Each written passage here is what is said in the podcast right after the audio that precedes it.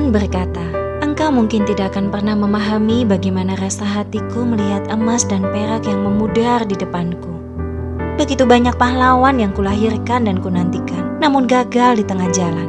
Beberapa dapat kembali dan sebagian tidak. Ketahuilah hatiku, hai pahlawanku. Aku merindukan kerajaanku datang di bumi, dan aku akan memulihkan pemerintahanku yang kekal bersamamu. Begitu banyak yang berteriak kesakitan saat aku membentuk mereka, dan mereka berbalik membelakangi suaraku karena mereka berpikir harga mengikut aku terlalu mahal. Tetapi tidak pernah ada kemudahan dalam jalan salibku.